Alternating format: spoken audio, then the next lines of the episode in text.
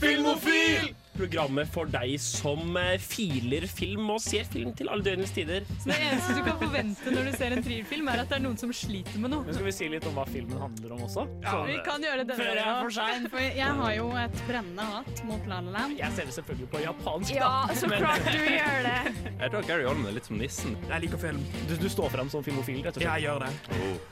Du hører på Film og Film på Radio Revolt. Hasta la vista, Ja. baby. Ja, velkommen til Filmofil nok en torsdagskveld. I eh, denne uka så er det jo premiere på Bohemian Rhapsody, og i den anledning skal Filmofil snakke om filmer om musikere. Så eh, det blir rett og slett en Filmofil-sending dedikert til et litt annet medium enn film. Eh, Men vi tror det blir en bra sending allikevel. Med meg i studio så har jeg på teknikk som vanlig. Henning. Jeg har også med meg uh, Guillermo del Toros største fanboy Thomas. og vårt nyeste tilskudd. Jenny. Men uh, vi har også fått besøk fra, uh, ja, fra musikkredaksjonen til Radio Rås. Musikkverden, ja. Ja. Mm. Eh, Hva, hva heter du? Jeg kan meg selv. Ja. E- Even Steine heter jeg. Jeg er eh, musikkprodusent i Radio Revolta. Og også filmentusiast. Så vi har litt, litt tyngde innenfor musikk også i dag.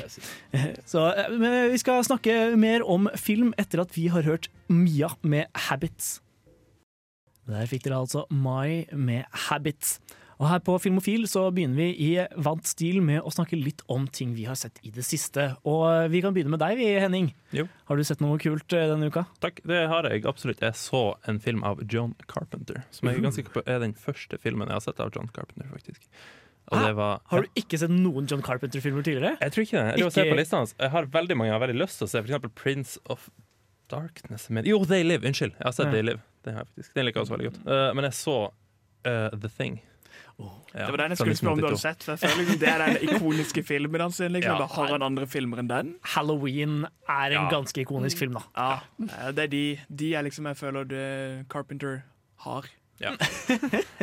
Han har veldig mange filmer. Ja, det, det ser Det jeg, jeg. men eh, det er de jeg føler Det er, de filmene han har. ja. Det er bare de to. Nei, men alt det, det snakket rundt John Carpenter fikk meg eh, til å få lyst til å se den, rett og slett. Og det gjorde jeg, og det ligger på Netflix nå. Mm. Anbefaler alle å se den. Den var veldig, veldig veldig bra. Uh, og det har vært mye snikksnakk rundt uh, Sånn som den remaken som kom i 2011, tror jeg, at de erstatta praktiske effekter med digitale effekter, som ble ganske dritt. De har ikke eldra seg bra på bare syv år. Men de praktiske effektene i 82 de er faktisk dritbra. Jeg skulle, jeg skulle inn på også. Det er en utrolig, eller utrolig forfriskende å se filmer fra den epoken nå, Mm. hvor de på en måte tok praktiske effekter skikkelig på alvor. da. Og du ser de liksom har brukt mange mange timer på å sitte der og liksom lage blod og gørr. Og det, det, du tror fortsatt liksom på det, da. Jeg tror fortsatt at jeg, kan ta, at jeg kan ta på det hodet som kravler av gårde, og at det Mm. Er ekte. I motsetning til sånn CGI-bonanza som man ser i dag. Absolutt. Er, jeg jeg har tenkt flere ganger gjennom filmen at du, du skjønner hva de har gjort og hvordan de har fått det til, men fortsatt tror du på det, og fortsatt er det ekkelt å se på. Selv om du skjønner at det er triks, så lar du deg glu. Liksom. Det er veldig spesielt. Ja, og De brukte jo veldig mye tid og krefter på det. Det var Ja, ja. he Hele settet brant opp på et tidspunkt fordi det var så Oi. høy varme i dere. Ja, det var noen av de, de eh, monsterdokkene som selvantente og sånn. Oh, ja. Hater når det skjer. Ja. Men Thomas, da? Har du sett noe Og jeg har hatt seriemaraton i mitt kollektiv. Så jeg har både sett The Dark, og så har jeg selvfølgelig eh, Min indre geek har jo selvfølgelig kommet fram, og sett sesong tre av Daredevil. Uh. Er det bra? Er det like bra som eh, de, de to første? Jeg vil si at det, For denne her henger veldig sammen med uh, The Defenders, som jeg ikke så. For at jeg kom med sånn syv episoder inn, og så ga jeg opp fordi at jeg hater Iron Fist. Dyptelig, Den karakteren går meg på nervene, og jeg er så sykt fornøyd at han ble cancela. Men det var min glede, så jeg bare innså plutselig Å shit, ting skjedde i den siste episoden.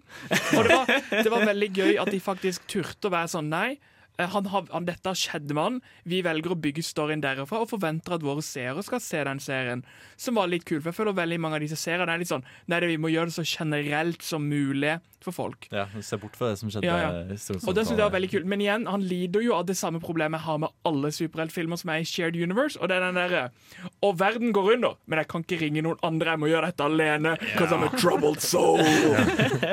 det er sånn, det, det er mass murder-fyr. Liksom, Manne opp litt og spør om hjelp.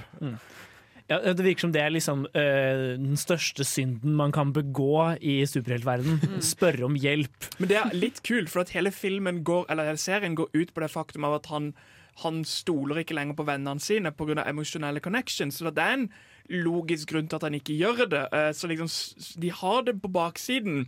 Jeg syns det er bare så idiotisk når det er sånn når du vet at de kunne fiksa dette med én telefonsamtale, liksom. Eh, og det var en ganske god serie, men jeg synes de siste episodene var, det, Jeg følte skurken var litt sånn Jeg får det til fordi jeg må få det til. Men en veldig god serie. Det, altså, jeg syns jo det de har gjort generelt med Netflix sitt uh, Marvel-univers, er på mange måter mer interessant enn det de har gjort i på en måte The Marvel Cinematic Universe i det siste. Men nå er jeg kanskje å banne i kirka og komme sånne påstander. Jeg er mest påstand. Jeg får litt støtte her, i hvert fall. Men nå skal vi høre en ny låt. Vi skal høre Mr. Twin Sister med 'Taste in Movies'. Velkommen tilbake til Filmofil. Vi diskuterer fortsatt ting vi har sett siste uka. Vi kan høre med deg, Jenny. Har du Mm. sett noe gøy? Jeg var på kino på søndag, men det jeg helst vil snakke om, er i går. For da hadde jeg halloween-spesial for meg selv, holdt jeg på å si. Jeg så tre filmer, eh, som er tradisjon for meg hver halloween. Og det er da Corpse Bride, eh, Nightmare Before Christmas og Coraline. Mm. Og jeg er veldig, veldig veldig glad i de filmene. Jeg koste meg så mye. Hvor mange år har du hatt den tradisjonen? Jeg husker ikke. Aldri, jeg har sett, hvert fall sett eh, Nightmare Before Christmas hver halloween og hver jul siden jeg var sånn i hvert fall kanskje ti. Ok, Nå var jeg sånn redd for at din far satte seg ned som toåring og bare Du, nå skal vi se en film på halloween! Nei, sånn var det ikke da, men ja. Så jeg er veldig veldig glad i de filmene. Og eh, fordi jeg så Vanligvis har jeg pleid å se det litt alene, og kanskje noen av vennene mine har giddet å se det med meg. Men i år så var det sånn Jeg prøvde å få de i kollektivet mitt til å bli med og se film med meg, men så var det sånn Nei, vi gidder bare å se én film. Da, og Coraline er jo skikkelig creepy, så den vil vi ikke se. Sånn, den er jo så bra. Jeg, jeg, jeg er litt der at jeg er glad for at jeg ikke så Coraline som barn. For jeg tror jeg hadde blitt vanvittig redd av å se den filmen. Det er Marerittmaskin. Ja, den er, den er skikkelig det. Eh, jeg, men ja, det er en utrolig, utrolig god film. Det er nok den jeg liker best av de, Mhm. av de tre. Du ser altså alle tre på rappen? Altså, eller? Ja, Oi, det Det er jo Tim Burton-verset, som det også er kjent som, er det ikke? Eh, Caroline er ikke Tim Burton, er det?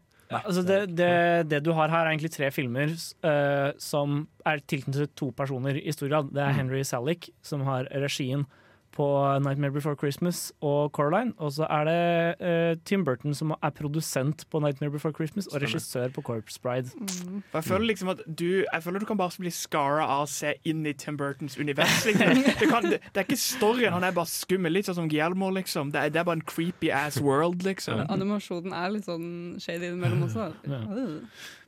Even, da? Har du sett noe gøy? Eh, ja, jeg har også sett uh, Nightmare Before Christmas. uh, faktisk. Jeg er litt sånn usikker på om jeg skal ha det som en juletradisjon eller en halvjuletradisjon halloween-tradisjon. Begge deler. Begge deler. ok, ja.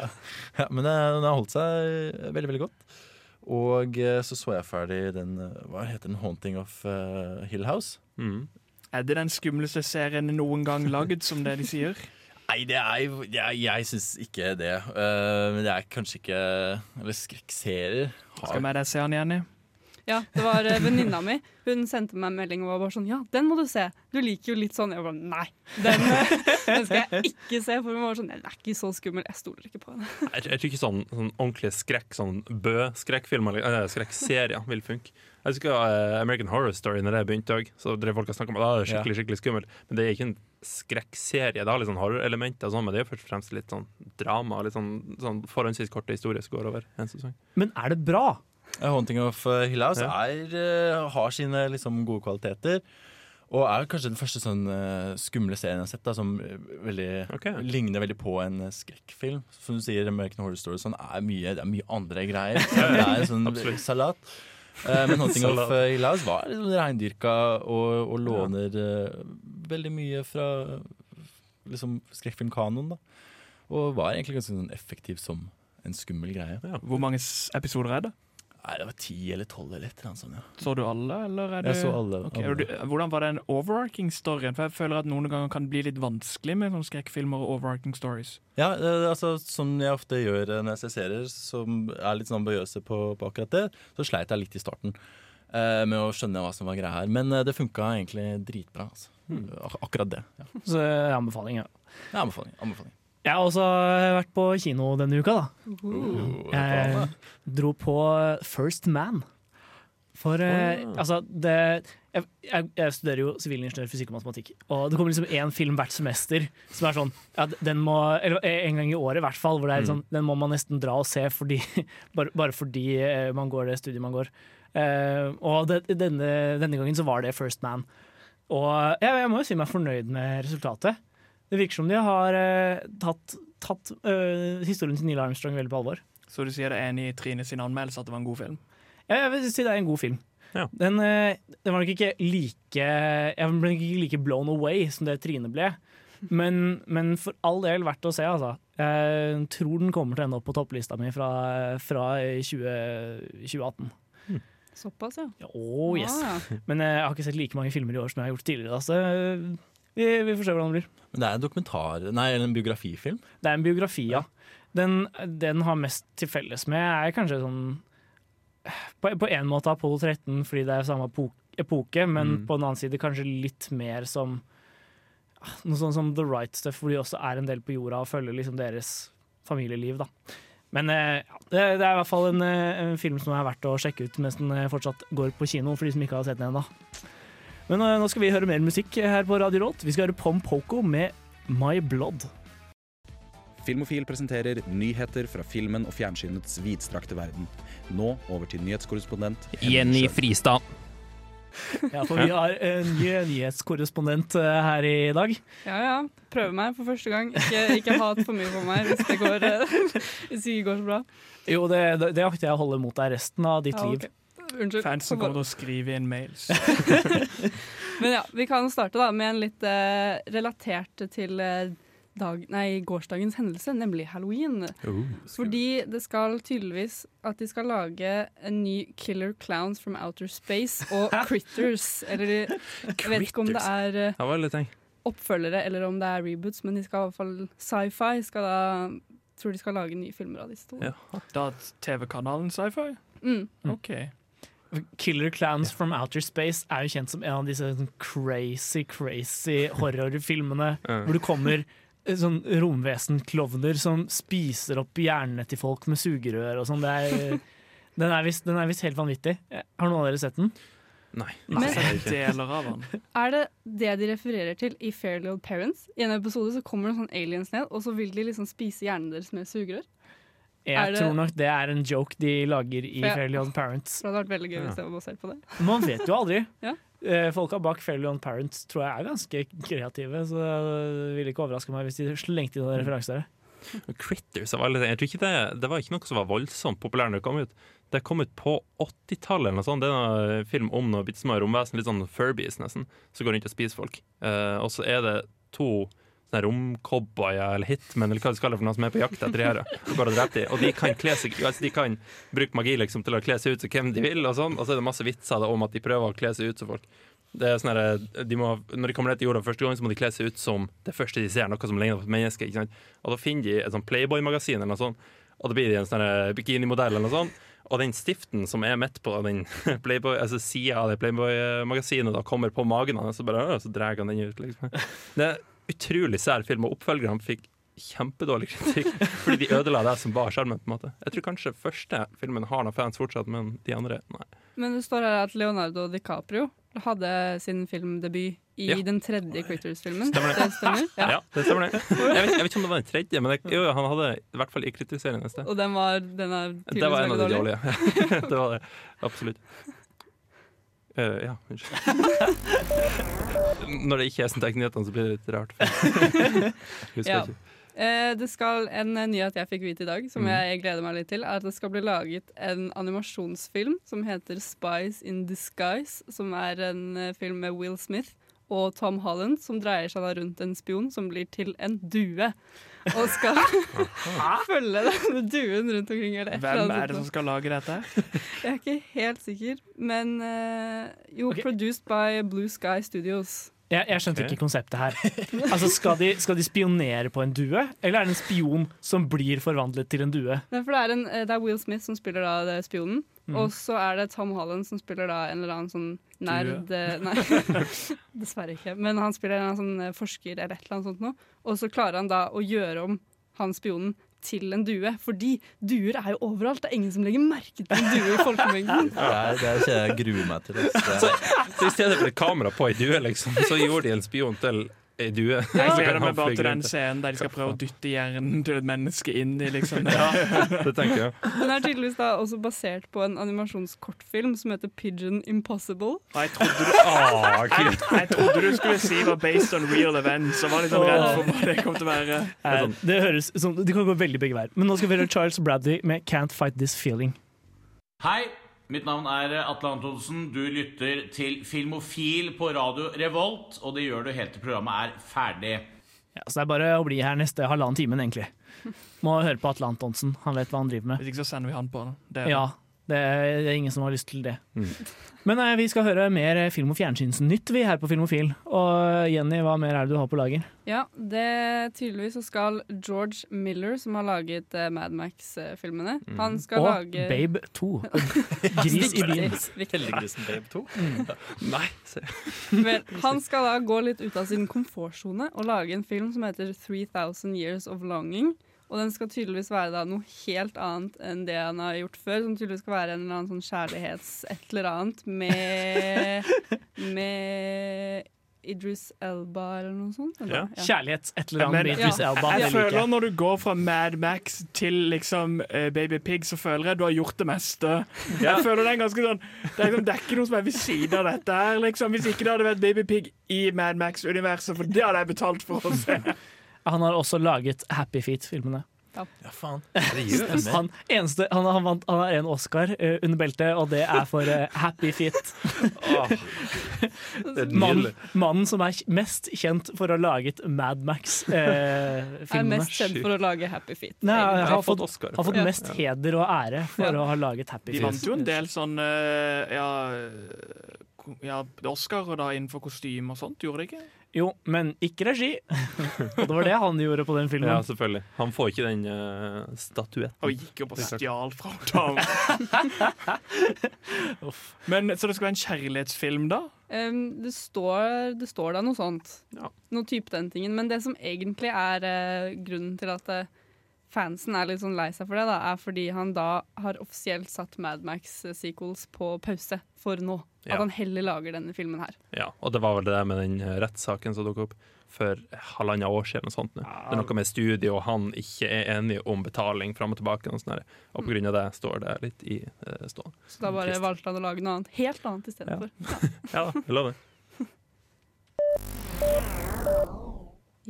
Ja Da Jo, en fin nyhet jeg gleder meg også til, og er litt skeptisk til, er at det skal komme en oppfølger til The Hitman's Bodyguard. Ja. Med, hvor alle hovedpersonene skal spille igjen.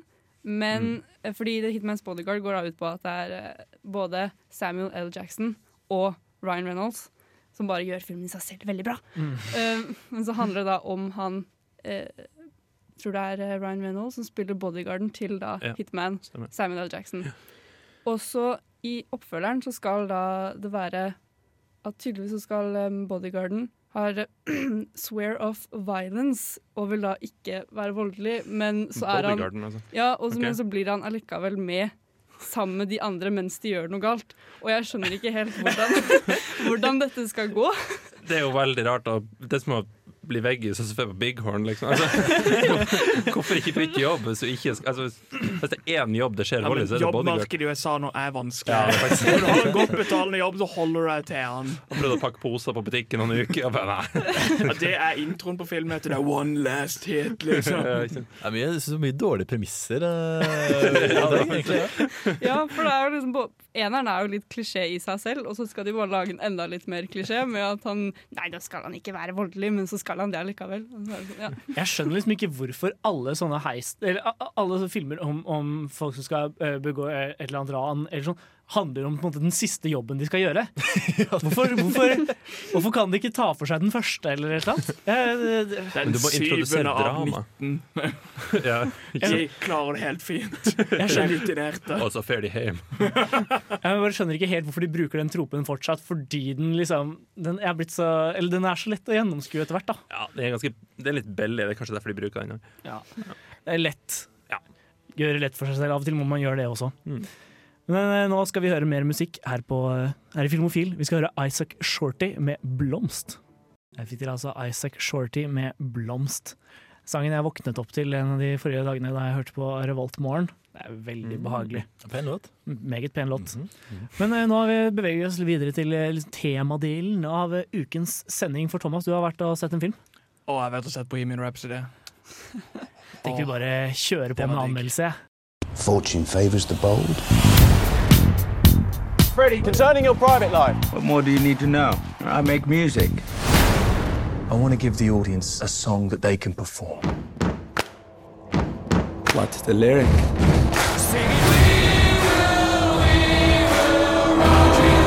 Ja, det kan du banne på at Bohemian Rhapsody kommer til å gjøre. Denne filmen som omhandler Queens og den frontfigur Freddie Mercury, er en film som man burde se på kinoen for musikken alene.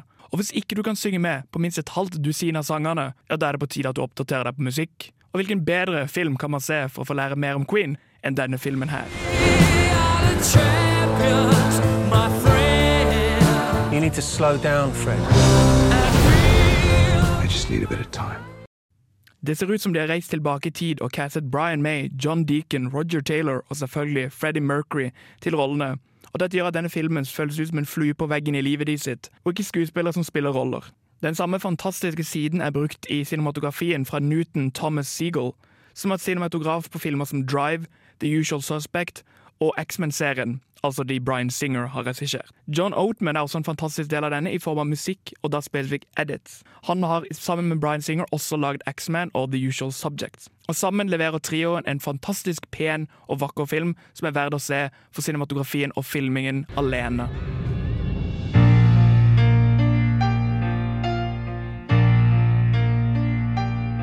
I enjoyed the show. I also write songs.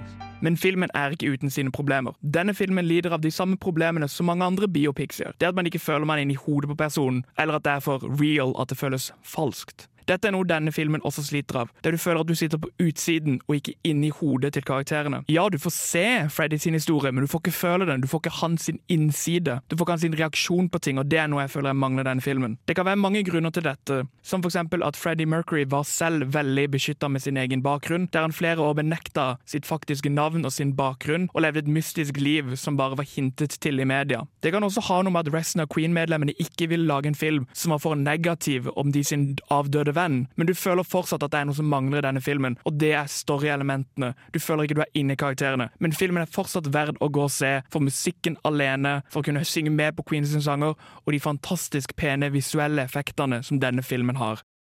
Denne filmen anbefaler jeg å gå og se på kino, for surrounden alene. You're a legend, Fred. We're all legends. Ja, så den ender opp med å være litt sånn style over substance, den her, eller? Problemet er ikke så mye at det er en penere film, men det er mer den der eh, Hvor fiktiv skal du velge å gå? Og hvor mye skal du begynne å spekulere hva som foregår inni hodet på en person? For Freddie Mercury, eller som han egentlig heter, Farouk, var ganske beskytta med livet sitt. Og det var jo ikke før dagen før han døde av aids, at han sa han hadde aids. Han var jo også ganske hemmelig, eller han var ikke hemmelig, men det var jo mer et rykte om at han var homofil gjennom hele livet sitt, som han sier i filmen. I'm a musician, I make music, what more do you want? Og den er veldig sånn, han, Du merker veldig godt den der at han er en, en introvert som er veldig aktiv på scenen, og så veldig tilbaketrukket bak. Men jeg, jeg fikk litt inntrykk av, jeg har sett traileren også, anmeldelsen din, da, men at den har litt sånn samme eller samme problematikk som den solofilmen Star Wars. Jeg synes den hadde i hvert fall At den liksom er bygd opp rundt sånn derre hvordan, hvordan skrev de We Will Rock You, liksom? Og We Are Champions? At den liksom er bygd opp rundt Ja. sånne set pieces? Er det, er det Han, han er bygd opp rundt en del av disse set piecene, og du lærer ganske mye uh, om han da. En av de tingene som jeg synes var mest spennende, er jo uh, I Want To Work Free, som er en ganske ikonisk eh, Queen-sang. Som vi alle forbinder uh, Som jeg forbinder med det der med at han er hemmelig er homofil og alt det der, og han går i drag, og liksom, det var jo en veldig sånn kontroversiell musikkvideo. Jeg trodde jo dette er jo Freddie Mercury som prøver å si oss noe. Det var jo ikke han som skrev den sangen, eller kom opp med den ideen. Ikke. Kanskje en kompis av han som har lyst til å henge han ut. Ja, men du, du får vite hvem det er i filmen, men det er, sånn, det er han som får skylda.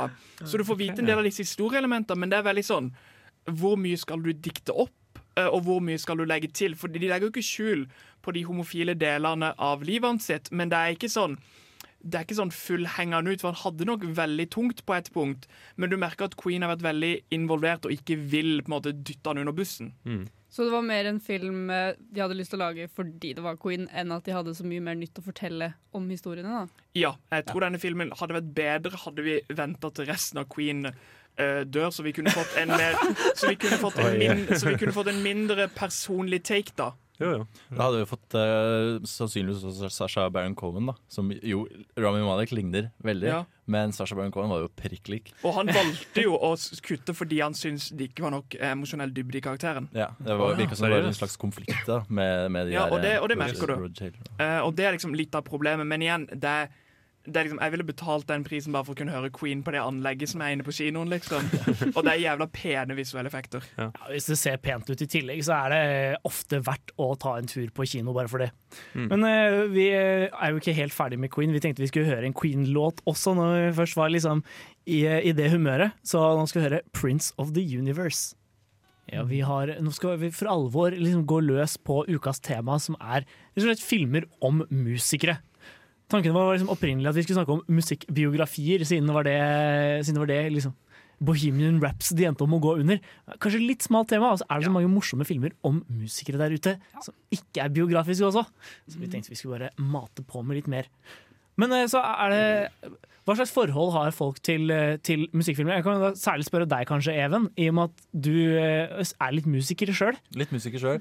jeg, jeg vokste opp eh, med mye Blues Brothers. da Det var liksom en, av man, Det var jo sånn da man var liten, men det var ikke sant, man hadde kanskje tre eller fire eller fem VHS-er. da Men Blues Brothers var en av de.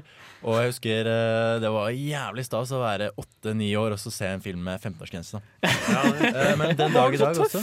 Ja, jeg var veldig tøff som, eh, som barn, ja, som dere kanskje skjønner. Men det er, det er en film som har holdt seg veldig bra for meg. da Helt mm. fantastisk Og fantastisk musikk, ikke minst.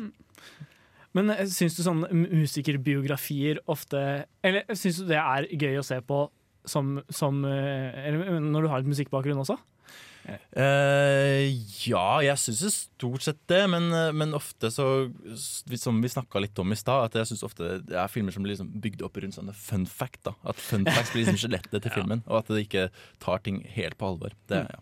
Eh, mitt lille problem med sånne filmer er den der store debatten som er i biofilmer generelt. er Hvor mye skal man få lov å pynte på sannheten? Og det er litt sånn For noen av disse filmene er litt sånn De vil at folk skal lære om spesifikke events og musikere. Eh, men det ser ikke ut som folk klarer å sette seg ned og se på en jævla dokumentar, så de må gjøre det om til en spillefilm.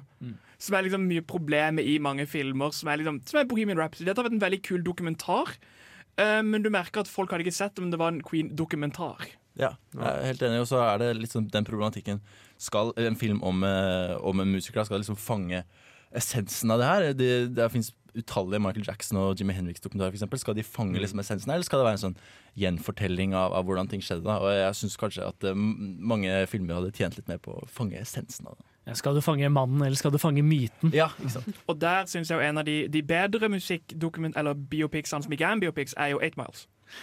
Som Ja, velger å ta for seg eh, denne historien, som er på en måte myten rundt om Eminem. Men den gjør det på en sånn måte at den passer inn i historien, når du skjønner ok, dette er kanskje ikke 100% sånn det gikk, men han var veldig ærlig med å lage en karakter innad i filmen. Han spiller ikke seg selv, men du skjønner veldig tydelig at det er han, og det gir veldig emosjonell knyttneve i den filmen. Ja, og den er jo altså en av grunnene til at vi valgte å, å gjøre temaet til filmer om musikere heller enn musikerbiografier. For den er jo på en måte, det er veldig mange biografiske elementer som er med i den filmen. Men samtidig så kan du ikke, kommer du ikke helt bort fra at det ikke egentlig er en biografi. Den er jo på en måte en- den er jo rent fiks, rent Han heter jo Baby Rabbit, eller jo, det er det Jo, han. Rabbit. Ja, Rabbit. Så er det Mm. liksom sånn, du merker, det er jo det er jo ikke ment til å være han, men det er også veldig tydelig at det er ment til å være han. Mm. Jeg er helt enig med deg om, eh, om, om Eight Mile. altså, For jeg syns den på en måte sier noe om Eminem, da, hvor han kom fra, og hva han eh, mener om eh, seg selv og sin karriere, på en måte, heller enn å være en sånn gjenfortelling av OK, sånn, skapt, sånn skrev han Slim Shady, liksom. Mm. Som jeg syns blir jævlig corny, rett og slett. Det er ikke derfor du går til den filmen. Nei. Du, du, vil, du vil lære noe om mann. Ja. Og det er også noe du finner med de som har kommet på en måte etter musikeres død også. Sånn uh, La Vie en Rose uh, og. Edith Piaf har for eksempel fått veldig, uh, veldig, veldig positivt omtalt. Og kanskje også Walk the Line. Den er ikke redd for å være liksom gå rett på de liksom kjipe sidene til Johnny Cash også. Og der er det det at jeg føler den der med at det passer med filmer litt sånn etter musikeren ikke er så involvert lenger. For der har du muligheten til å dype inn i mentaliteten hans, sin. men det hadde du ikke med Queen, for det er mye dark shit der.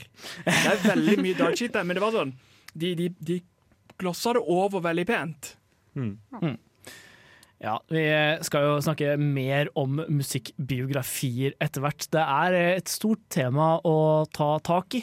Så vi, vi skal gå videre inn på det etter at vi har hørt litt på Nilas med to i-er og hans låt 'Disaster' featuring Amalie Holt Kleive. Så bli her på Radio Revolt. Ja, Vi skal nå eh, her på Filmofil snakke mer om uh, musikerbiografier. For det er en ganske engasjerende sjanger. Ja, det vil jeg si. For det er i hvert fall i mitt tilfelle, da, hvorfor eh, jeg liker de så godt, er fordi jeg er litt lat. Og blandet med at eh, ofte så snakker folk om musikere som jeg ikke har hørt om, og så blir jeg liksom hvem er egentlig det, og så orker jeg ikke å google. Og da ser man en film om denne personen istedenfor. Så jeg føler liksom musikerbiografier er min måte å få vite litt mer om musikere uten at jeg trenger å gjøre noe mer med det. Så du, du, du ser heller en sånn to timers film enn å tilbringe sånn 30 minutter på Wikipedia? Ja. Særlig hvis filmen er bra, da. Hvis eh, den har fått skikkelig dårlig score, da gidder jeg ikke med. Jeg tror det fester seg litt bedre hvis du ser en film om personen, enn om du leser en Wikipedia-artikkel. For det går rett inn det ene øyet og ut det andre. spør du meg. Inn det ene øyet og ut det andre. Ja, det gjør det til meg, i hvert fall. Vet ikke med dere. Du sender, du sender liksom tekststråle ut av øynene. Ja, nettopp. Mm. Uh, Thomas, jeg er faktisk uh, litt skuffet over deg hvis du heller vil lese Wikipedia-artikler enn å se på film. Ja, faktisk. Det kommer veldig an på filmen, men det er bare, jeg syns det er gøy at man dedikerer liksom, For det er, det er sånn jeg gjør. Jeg bruker heller tre timer på å gå en, liksom, en rett bakke enn å gå oppoverbakke i en halvtime, liksom. Hvis jeg kan unngå tyngden, og jeg, jeg kan føle litt den samme Ja, her men det er en bakke. Dette er film, Thomas. mye, mye bedre måte å tilbringe tiden sin på. For jeg føler det, det er jo litt sånn Grunnen til at vi ser sånne filmer, er jo fordi vi ønsker å vite mer om personene. Mhm. Vi er jo en sånn det er jo, vi, vi ser jo på dem som ikoner. Det er jo legender Mm. folk, som folk ser opp til, og folk har jo mye følelser til disse sangerne. Men ja, det er litt tilbake til det vi sa i stad, at man liksom man ønsker å vite mer om ting. Og sånn som den, den Bohemian Rhapsody er, som har liksom et slags sånn sannhetskrav. Eh, som er kanskje litt, eh, litt skummelt, eller litt feil, eller litt urettferdig. Eh, da liksom Den er laget med, med hjelp av, av Freddie Mercurys beste venner, og det er i og for seg et reklameprodukt, da, vil jeg tørre å påstå. Ja, jeg syns jo, jo at de beste biografiene er de som er mest fiksjonalisert. Eh, en av de jeg er veldig glad i, som, det er kanskje ikke helt i den sjangeren vi har snakka om til nå, da, men Amadeus, eh, er jo, av, av Milos Forman er jo også strengt talt en eh, musikerbiografi-film. Eh, bare om, om Mozart.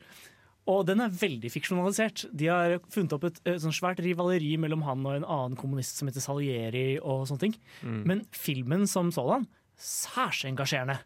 Men dette er en sånn stor debatt innad i, i biofilmsjangeren. er jo det at Hvor mye må du være ekte? For det er jo til slutt liksom, Menneskeminnet er jo sånn at vi husker siste gang vi huska på noe. Man husker ikke det faktiske eventet, man husker forrige gang man huska på det.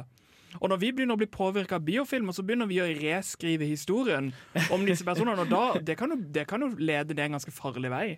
Jo, men samtidig, i hvert fall for min del, da, så er det sånn når jeg ser en sånn film, så tenker jeg at alt kan jo ikke være sant.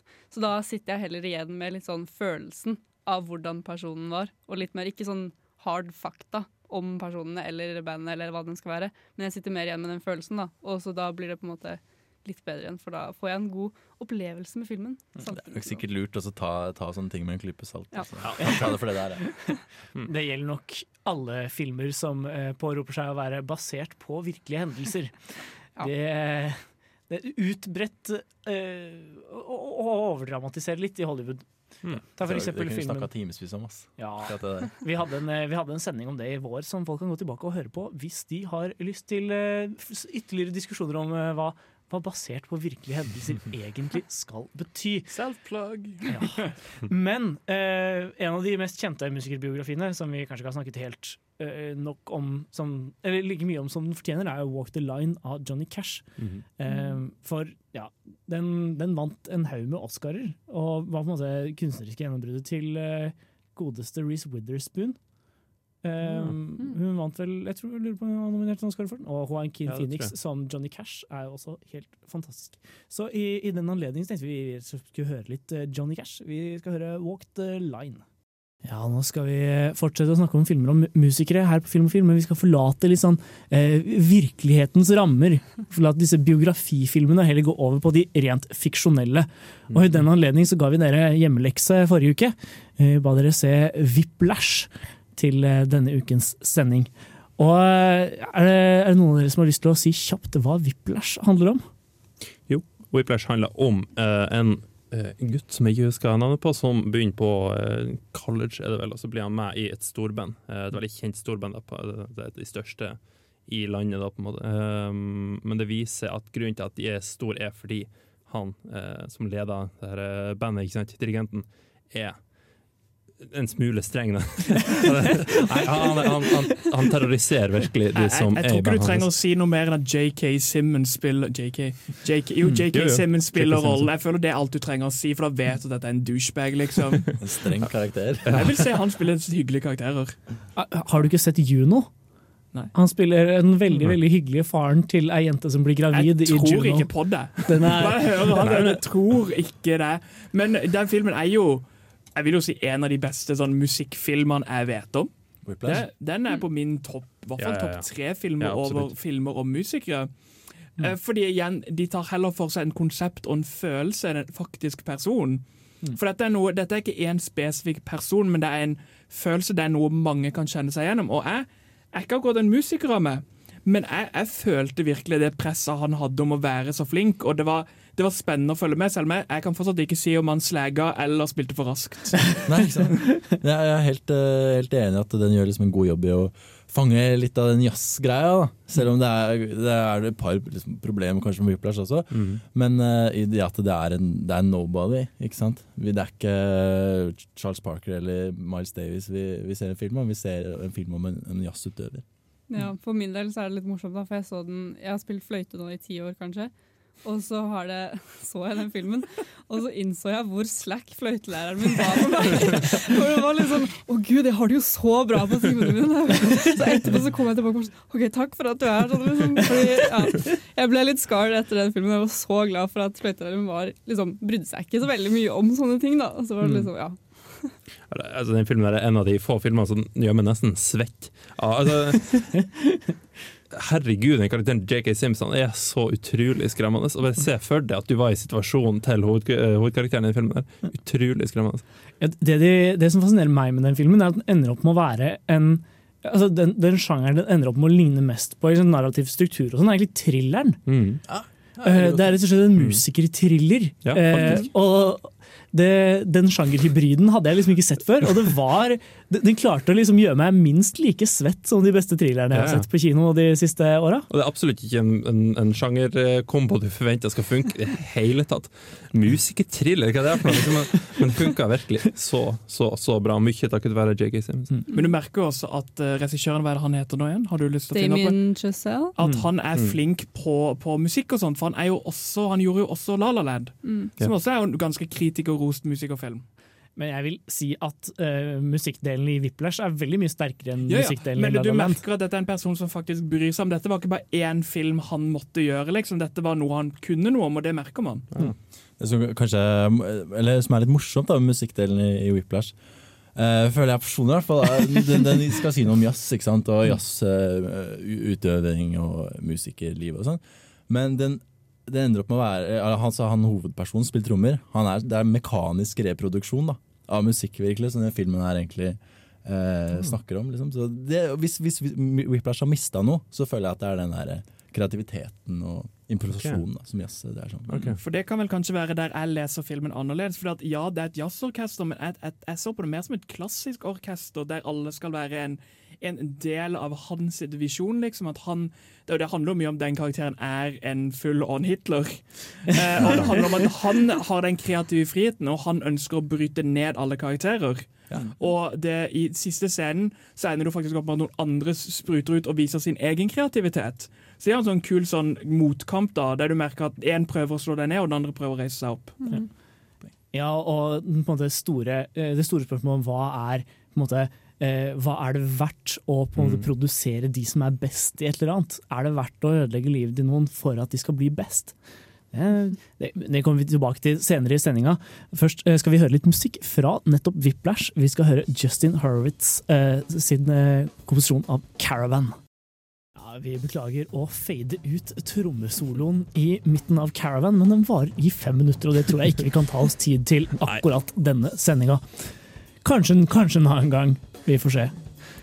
Eh, For vi skal snakke videre om eh, filmer om musikere. Og eh, i den anledning så har vi brakt tilbake en, en spalte vi introduserte for et par uker siden, nemlig ukas topp tre.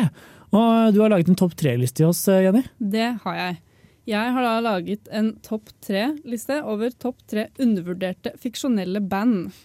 Som ikke nødvendigvis da er fra eh, musikerfilmer, men bare generelt fiksjonelle band i filmer eller serier. da. Mm. Ja. Og kan du, kan du lese opp eh, lista for oss og si litt om filmene? Ja. På førsteplass så har jeg da satt Nei, fra begynn med- tredje. Å, ja, ok. Begynn tredje. Herregud. okay. Ja. På tredjeplass Ja. så har jeg da satt eh, et band som heter Pop, som er fra Music and Lyrics-filmen. Hvor blant annet Drew Barrymore og Hugh Grant spiller. Men det er bare Hugh Grant da, som er med i dette bandet, som er et 80-tallsband som har liksom gått Det har gått litt dårlig med de da. De var på en måte ikke one hit wonders, men de var veldig kjente akkurat på 80-tallet. Mm. Og så har det ikke gått så mye mer. da. De har annet en musikkvideo i denne filmen som er bare helt fantastisk. Hvor de står og danser kjemperart til en sånn typisk 80-tallssang. Det er veldig veldig gøy å se på. Mm. Og eh, ja, Så det er den. På andreplass så har jeg plassert uh, Footprints on the Moon, som er uh, bandet til Howard og Raj fra Big Bang Theory. Som, hvor de spiller filk songs, hvor blant annet da Thor and Dr. Jones lager de sanger om. De lager veldig mye sånn nerdesanger, da, som er veldig veldig morsomt å høre Hva på. kalte du sjangeren? Filk songs. Og hva er det for noe? Jeg husker ikke helt hva de kalte det. Musikkprodusent, hva er for? Ja, nå skal høre. Det En vri på folk? Jeg vet ikke. Altså, Ja, det må jo være det. det er noe sånt, men de har veldig mye sånn nerdete elementer i det. Da, som jeg syns er veldig veldig gøy. Sci-fi-folk? De, de kalles klingonere. Ja. De forklarer det i serien, altså. Det er bare å se hele Big Bang Theory, så får du vite det. Ja, og på førsteplass så har jeg da fra min, en av mine all time favorittfilmer, bandet Sex Babamb, som er fra Scott Pilgrim versus The Mm, World. Og ja, det er da bandet til hovedkarakteren Scott Pilgrim og da vennene hans. Mm. Og som ikke er nødvendigvis et stort element i filmen, men det går igjen i noen av disse kampene som må slåss ut for at han skal ja, bli sammen med hovedpersonen, da, rett og slett. Mm. Ja, jeg er veldig svak for uh, We Are Sex Bobomb. Uh, åpningslåta til, uh, til det bandet ligger i spillelista mi på Spotify, så den kommer innom den med jevne mellomrom. Ja. Og jeg er helt enig at Scott Pilgrim vs. The World er en utrolig festlig film, så jeg støtter, jeg støtter førsteplassen. Ja. Selv om jeg ikke vet helt om bandet er undervurdert. Ja, det er det også Ja. debatterer. Er dette bandet undervurdert? For de ender jo opp på toppen på slutten. De får seg en bassist som faktisk bryr seg om bandet. De får spille på ganske store arenas. Liksom. Har de det ikke Jo, relativt kult på slutten? Ja, det er spørsmålet, Snakker vi undervurdert i den virkelige verden, eller Ja. undervurdert i den, verdenen, uh, i den fiksjonelle verdenen? Mm, jeg vil si at det er undervurdert i den virkelige verden. Ja, okay. Hovedsakelig. Fordi jeg føler ikke at det er så veldig mange som har For det, for det første ikke har hørt om Scott Pilgrim, noe som er en skam. Mm. Uh, for det andre som da Hæ? Sex på bomb? Hva, hva er greia? Jeg tenker Andreplassen din er vel eh, undervurdert, som jeg, sier, fordi den er så obskur at folk driter litt i det. Jeg Hvem visste at uh, Howard Nei, Jo, jo, Howard Howard og Raj har et band i Big Bang Theory. Det er så Hva er gøy. det for noe? Det er, de har veldig Kan mange du ikke sangen om The Boulder from Indiana Jones? Nei, er det det det? Det er, ja, det er er flere, det er flere sanger. Det er en returning dårlig gag, syns jeg. Jeg syns, jeg syns de ikke er er over. De er ikke undervurderte fordi de er dritt. Jeg skulle ønske de hadde laget hele sangen, sånn at jeg kunne høre på det på, til vanlig. Hvilken sjanger var det det var igjen? Filk songs. Jeg syns du, har- du har glemt en av de største som er undervurdert, for at alle vet ikke hvem de er, og det er jo selvfølgelig The Dees Aka Tenacious D. Mhm. De burde jo toppe alle lister. Fordi Ja, er de er ikke undervurdert. Jeg føler folk, ikke nok folk vet om det. En av, en av mine favoritter er nok eh, Phineas and the Ferb Tones fra Phineas og Ferb, Ja. som synger er bow, chicka, bow, wow. Jeg syns i Twin Peaks, når, uh, når de spiller den Just You uh, på, på det rommet. okay. Eh, det, Ikke det husker jeg ikke. Jeg husker han bra. dvergen. Det er eneste. Han er undervurdert. Ja, men det er også eh, andre jeg hadde lyst til å ha med, da, var blant Mm. annet Mouse Rat fra Parks and Recreations og Robin Sparkles fra, fra How I Met Your Mother. Hvordan er det undervurdert? Det er jo drittsanger. Det er så bra! Let's Go To The Mall er ganske catchy, da. Men uh, vi skal nå høre rett og slett eh, førsteplass-bandet ditt. Vi skal høre uh, We Are Sex Bob-Bomb av Sex Bob-Bomb. Spenningen spisser seg til. Nå som vinteren nærmer seg, hvem har egentlig drept Laura Palmer? Hvem er den mystiske doktoren? Kommer William til å svare? Hva vil skje? Ukas TV-serie. Ja, og uh, hvilken TV-serie om uh, Eller hvis man først skal velge en TV-serie om en musiker, så var det i vårt hode intet annet valg enn å velge Jeg var ikke til stede da, det vil jeg bare si til alle lyttere. Det er vel ikke, det er vel ikke så mange uansett å velge fra. Men. Nei, det finnes nok andre, Jo. men dette er nok det er nok sannsynligvis den mest kjente. Ja, Vi absolutt. snakker om eh, Disney Channel-produksjonen Hanna Montana. Selvfølgelig. Det er fascinerende hvor stort fenomen den serien ble. Hvis du, Mm. ser på, uh, hvis du ser på en gjennomsnittlig episode av Hannah Montana, så er det ganske ræva Disney Channel-produksjon, egentlig. Eh, Om, uh, om ei jente som en måte vil, eh, vil være popstjerne, men også barn på sida. Så hun tar på seg parykk når hun er på scenen, og blir da popstjernen Hannah Montana. Jeg skjønner jo, Det er veldig tiltrekkende den tanken om det dobbeltlivet som Hanna Hannah Montana jo lever. Mm. Eh, at eh, at niåringer sitter i sofaen og tenker ja, jeg skulle gjerne hatt parykk og så stått i Spektrum og spilt på. Liksom. Jeg skjønner jo det. jeg skjønner. Mm. Men samtidig så ble den jo liksom ja, altså, så, så ble den sannsynlig hatet veldig mye hardere enn det den ville blitt gjort ellers, i og med at den ble så populær. Jeg så et ganske interessant videoessay nylig eh, om hvordan vi kollektivt som, som menneskehet har et slags sånn innebygd hat mot tenåringsjenter. og, og alt de liker. Eh, fordi de, de er plagsomme, og vi, vi misliker det av prinsipp. Og Hanna Montana endte litt sånn opp i den, i den båsen. Og Det er ikke noe dårligere enn en eh, annen gjennomsnittlig Disney Channel-produksjon. Den bare ble så utrolig stor. Det var vel også fødselen på denne her uh, Disney-prinsesse-musician-transition-tingen. Som jeg kjente med hun og Selena Gomez og Davy Moore. Nei, det hadde skjedd lenge før. Hadde det skjedd? Ja, eh, eh, Britney Spears var kun et eksempel på en sånn en? Justin Timberlake også starta i Disney. Ja, det- det- det var... Nei, han er ikke prinsesse. I wish. Det er jo der Mikkes musikkhus eller et eller annet sånt. Med, med Mikke, ja, men de, Ja, Mikkes klubbhus. Men de begynte sånn, sånn, sånn seksåringer eller noe, liksom. Jeg følte, da vil jeg si at Hanne Montana på en måte skapte den andre bølgen, da. Ja, Hun er på en måte det første tydelige eksempelet på det som vår generasjon fikk følge fra starten av. Mm.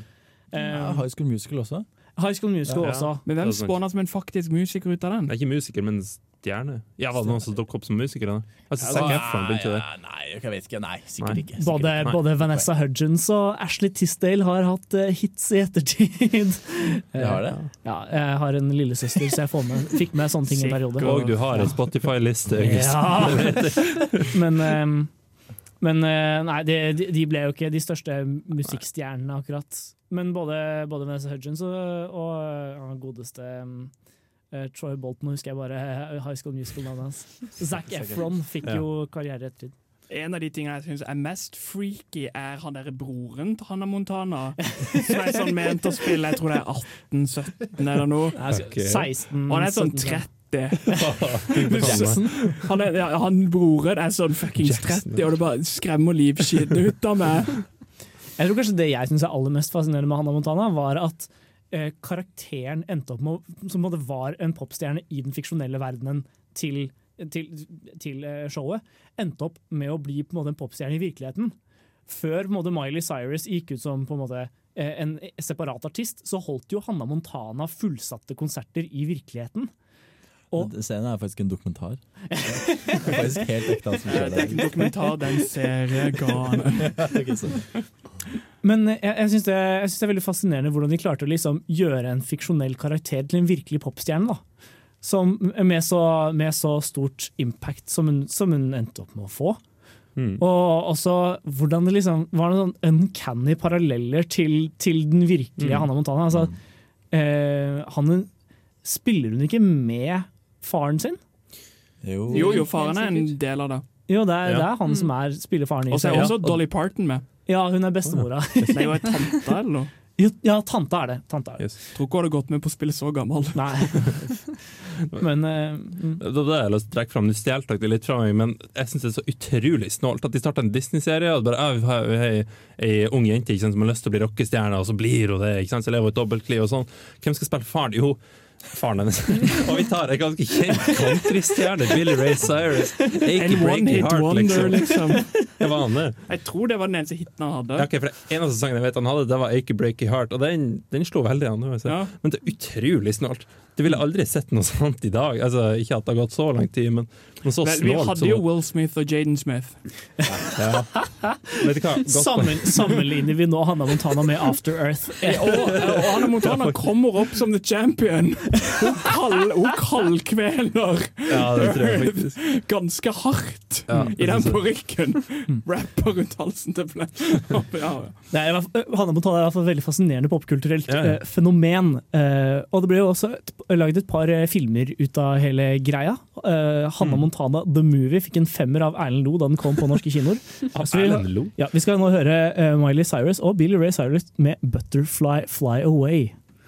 Har et program i burra med både klasse og stil. Du hører på Filmofil. Ja, det gjør du. Og her på Filmofil snakker vi om uh, filmer og musikere i kveld. Eh, og vi har ytret en del eh, misnøye over, musikkbiografiene som ofte ender opp med å være litt kjedelige og dølle filmer, og ikke nødvendigvis så bra strukturerte. Men eh, dokumentarer om musikere er jo også en betydelig sjanger. Det er faktisk en av de um, det er faktisk en egen subsjanger eh, kalt rockumentary, hvor man bare følger en rockestjerne. Eh, Så jeg vet ikke, Har dere noen favorittmusikerdokumentarer der ute? Eh, Jeg så en nylig nå, eh, for jeg har sett den på skolen, og det er Rockabull. Som er da en dokumentar om et eh, band som hø hører til i Kabul.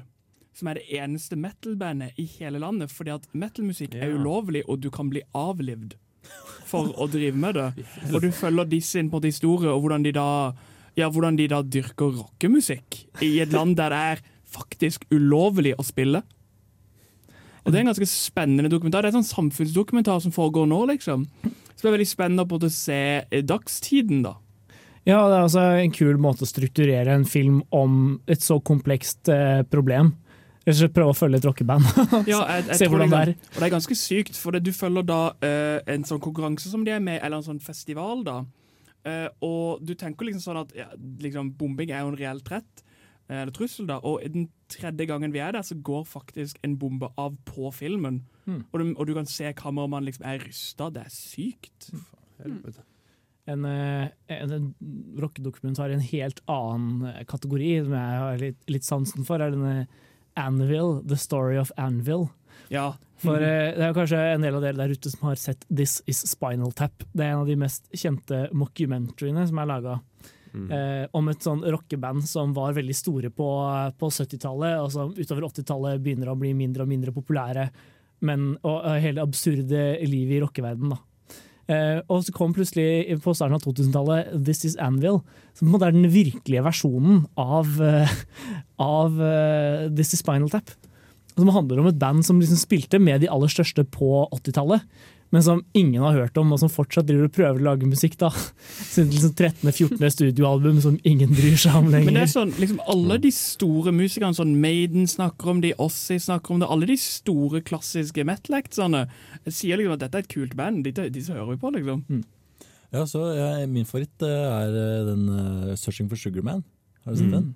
Jeg, jeg hadde veldig lyst til å se den, men jeg kom aldri på kino da den, eh, den gikk. Nei, den er, den er veldig Det er en veldig flott eh, og liksom hjertevarm dokumentar om en kar som eh, angivelig kanskje eller kanskje ikke er død. eh, og er eh, kjempestor i Sør-Afrika, alle steder. Han kommer fra USA, da, så er det masse my han er liksom myteomspunnen. Kanskje har han tent på seg på scenen, kanskje har han skutt seg selv i hodet på scenen. Det er en hel masse sånne myter. Og så prøver de da å spore opp eh, denne mannen. Jeg skal ikke si så mye mer, det skjønner kanskje, kanskje hvor det går. Liten uh, ufrivillig sparer, det. Ja, men, eh, men jeg har veldig lyst til å få sett den filmen. Eh, en annen, dette er en liten sånn kort en, men har noen av dere sett serien Explained på Netflix? En Netflix original.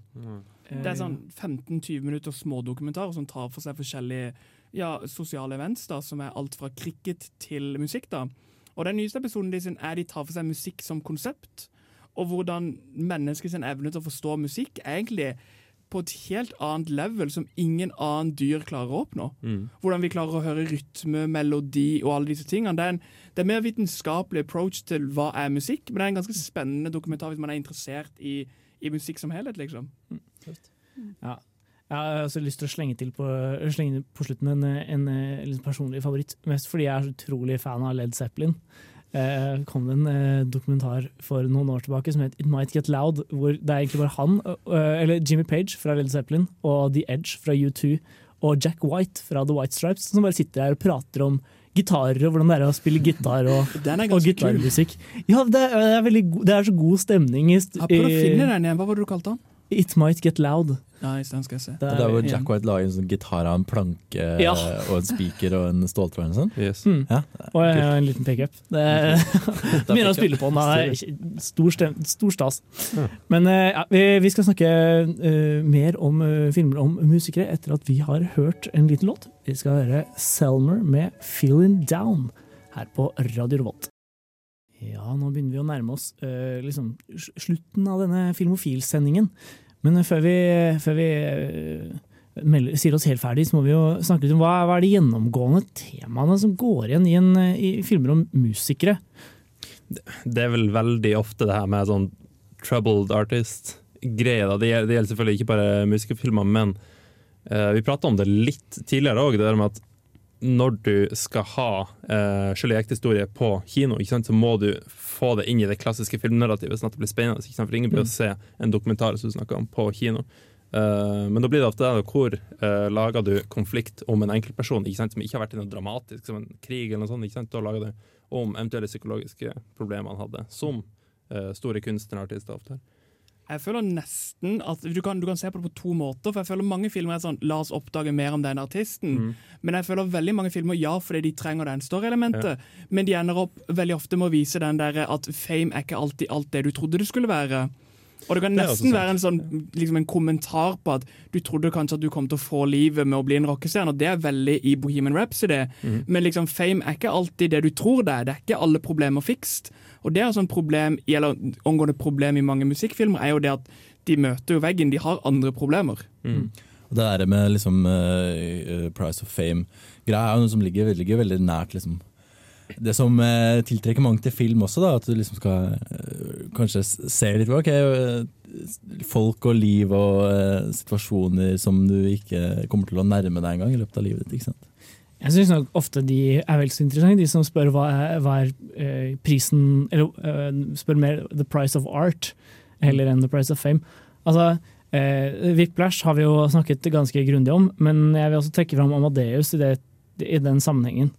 Jeg spør liksom hva, hva, er det, hva er det verdt for å på en måte oppnå det perfekte kunstverket? Eh, er, det, er det verdt å se en venn dø for å, for å kunne sette navnet sitt på det perfekte musikkstykket. musikkstykket? Men er ikke den også igjen litt om fame, da?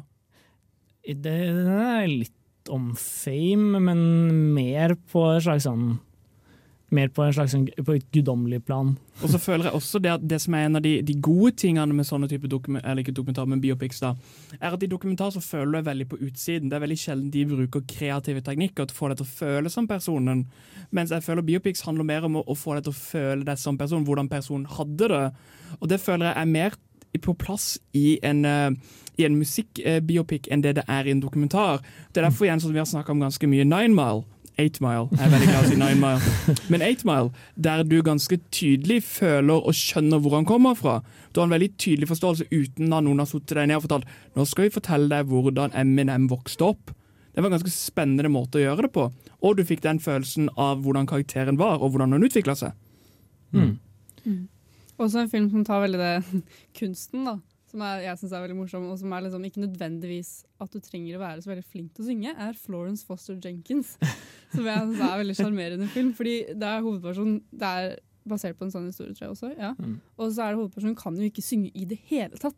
Men hun er så glad i musikk. Og hun syns det er så fin liksom, opera. Det er en sjanger for henne, liksom. Det er det absolutt ikke, men det er veldig sånn Hun vil gjøre liksom alt da for å kunne synge på en stor scene, selv om hun ikke kan synge i det hele tatt. Og det er veldig sånn fint å se, da, fordi på slutten, eh, mot, eh, ja, mot slutten av filmen eller noe, så er det sånn hun får liksom opptrådt, selv om liksom halvparten går i løpet av stykket, så får hun liksom sunget. Hun får sunget på scenen, og hun er så glad for det. det er sånn, ja.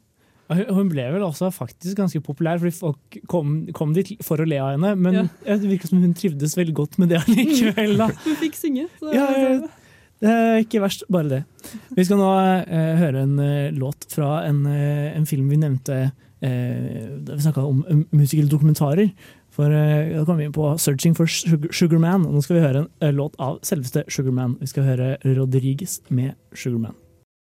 Som vanlig her på Filmofil så tenker vi å avslutte med noen av våre favorittmusikerfilmer. Og jeg tenker vi kan, vi kan begynne med deg, Henning. Har du en favorittfilm om en musiker du har lyst til å dele med oss? Ja, det har jeg. Jeg så faktisk eh, veldig nylig en film som heter A Star Is Born på kino, og den likte jeg veldig, veldig godt. Uh, Er det den med Lady Gaga? Ja, for det hadde jeg sa, fordi kjæresten min spurte om vi kunne se den, og så sa jeg den har jeg, den har jeg ikke fått med, men den kan vi gjerne se. Før jeg lette opp hva det var for noe. Og så En time etterpå så sa jeg er det her den filmen med Bradley Cooper og Lady Gaga. Så, yep, det. så da måtte jeg se den. Ja. Jeg hadde ikke lyst til å se den, men jeg er veldig veldig, veldig glad for at jeg så den. Fordi den er utrolig rørende. Er hun titla som sitt eget navn, eller går hun under Lady Gaga på posteren? Eh, hun går under Lady Gaga som Ok. post, på posteren. Hva heter hun egentlig? Aner ikke. Men hvorfor hadde Gaga du Lady, ikke tror hvorfor, hadde, hvorfor hadde du ikke lyst til å se den? Fordi Bradley? Cooper og Lady Gaga da. altså, jeg, jeg, jeg liker ikke spesielt godt musikk til Lady Gaga, og jeg har kun sett henne i American Horror Story. Og så vidt jeg kan huske, er det eneste hun faktisk har spilt i sånn, en sånn ordentlig produksjon. Liksom. Mm. Og hun var ikke sånn kjempebra der, syns jeg. Men den er bra sånn Ja, som film. ja den, er, den er veldig veldig fin. Veldig rørende, og hun synger veldig fint. Og Bradley Cooper også synger veldig fint. Thomas. Jeg tenkte jeg skal ta en film som uh, samler alt det vi har snakka om. Mm. Uh, the Price of Fame, The Price of the Music, alt. Mhm. eh, og en film vi gonna remember very long. og det er Coco, selvfølgelig. Å ja, jeg klarte å pinche. Ja, ok, jo, for så vidt. Ja, jo visse ting skjer som er The Price of Fame, og Ja. The Price of uh, the Music, og det å følge passionen sin. Ja. Det er jo det hele filmen handler om. Ja, da, du, ja. Jeg var ikke overbevist når du sa det, men jeg tenkte i to sekunder, så jeg skjønner hva du mener. Og det er en sånn, du, du kan liksom Du kan se han som fireåring, og du kan se han som 84-åring, og du kan Ja. fortsatt kose deg fordi at Pixar kan shitte det sitt, liksom. Det er litt skummelt å se på den som 84-åring. Ikke på kino, da er det bare kose. ja, kanskje. Eh, Even, da, musikeren i rommet. Har du en uh, favorittmusikerfilm? Ja, jeg hadde tenkt å si Blues Brothers, for det er nok den enkelte favoritten. Men siden jeg er med på Filmofil, så er, jeg, eller for, er så heldig å få være med, så føler jeg meg si noe smart, så tenkte jeg skulle si The Wall. Ja. Ja. Hva er det for noe? Det er, eh, det er en film som ble laget i etterkant av at Pink Floyd slapp sin dobbeltskive, uh, The Wall, i 1979. Hvem er Pink for Den bare Jeg er ny. Uh, nei, men det er en, en, en veldig ekkel film. Det er på samme side som uh, Requiem for a Dream for min del. Som film, Oi. jeg syns jeg bare har ikke lyst til å se, har ikke lyst til å se det mer. For det er. Men det er, det er mektig. Det er sterk, sterke saker. Sterk kost. Bra musikk. Veldig bra musikk. Enig, da? Ja, jeg føler ikke at jeg, det er så mange musikerfilmer som har truffet meg personlig, men av de få som har gjort det, så må jeg nesten si at Whiplash er en av favorittene. Også fordi Jeg kan ikke akkurat si at jeg kjente meg igjen, men det var litt gøy å se en sånn film da når jeg har spilt et instrument selv. og bare sånn, åh, det kan faktisk bli så bra. Eller så, så ille. Meg og blokkfløyte er basically det samme. Det er ikke blokkfløyte, det er fløyte. Det er en Særlig. forskjell. En blåser. Ja, du, du fikset på fløyteblandingen med å bare trekke inn alle at dere blåser i tillegg. Ja. ja. jeg, jeg, jeg har lyst til å trekke fram en film vi, vi ikke har snakket om i det hele tatt, Mm. denne sendingen, men som strengt talt handler om en musiker, dog ganske mye mer, eh, nemlig pianisten. Jeg syns eh, Eller eh, Roman Polanskis uh, holocaust-drama handler om en, en jødisk mann som på en måte må navigere Eller en jødisk pianist som må navigere seg gjennom på en måte Polen mot slutten av andre verdenskrig, eller gjennom hele andre verdenskrig.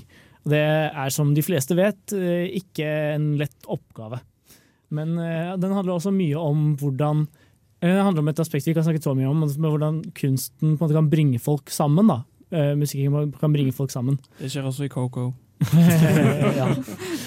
Coco, den perfekte musikerfilmen. Men eh, nei, jeg syns i hvert fall den, er, den eh, har en del interessante skildringer av, av hvordan det er å drive med uh, kunst når på en måte ja, I et krigsherjet land da, hvor ikke, ikke alt annet er helt på stell, rett og slett.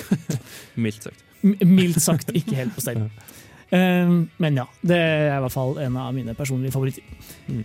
Vi skal nå høre en eh, låt til. Eh, Vi skal høre Ekte indianere med Korea eh, før vi tar farvel her.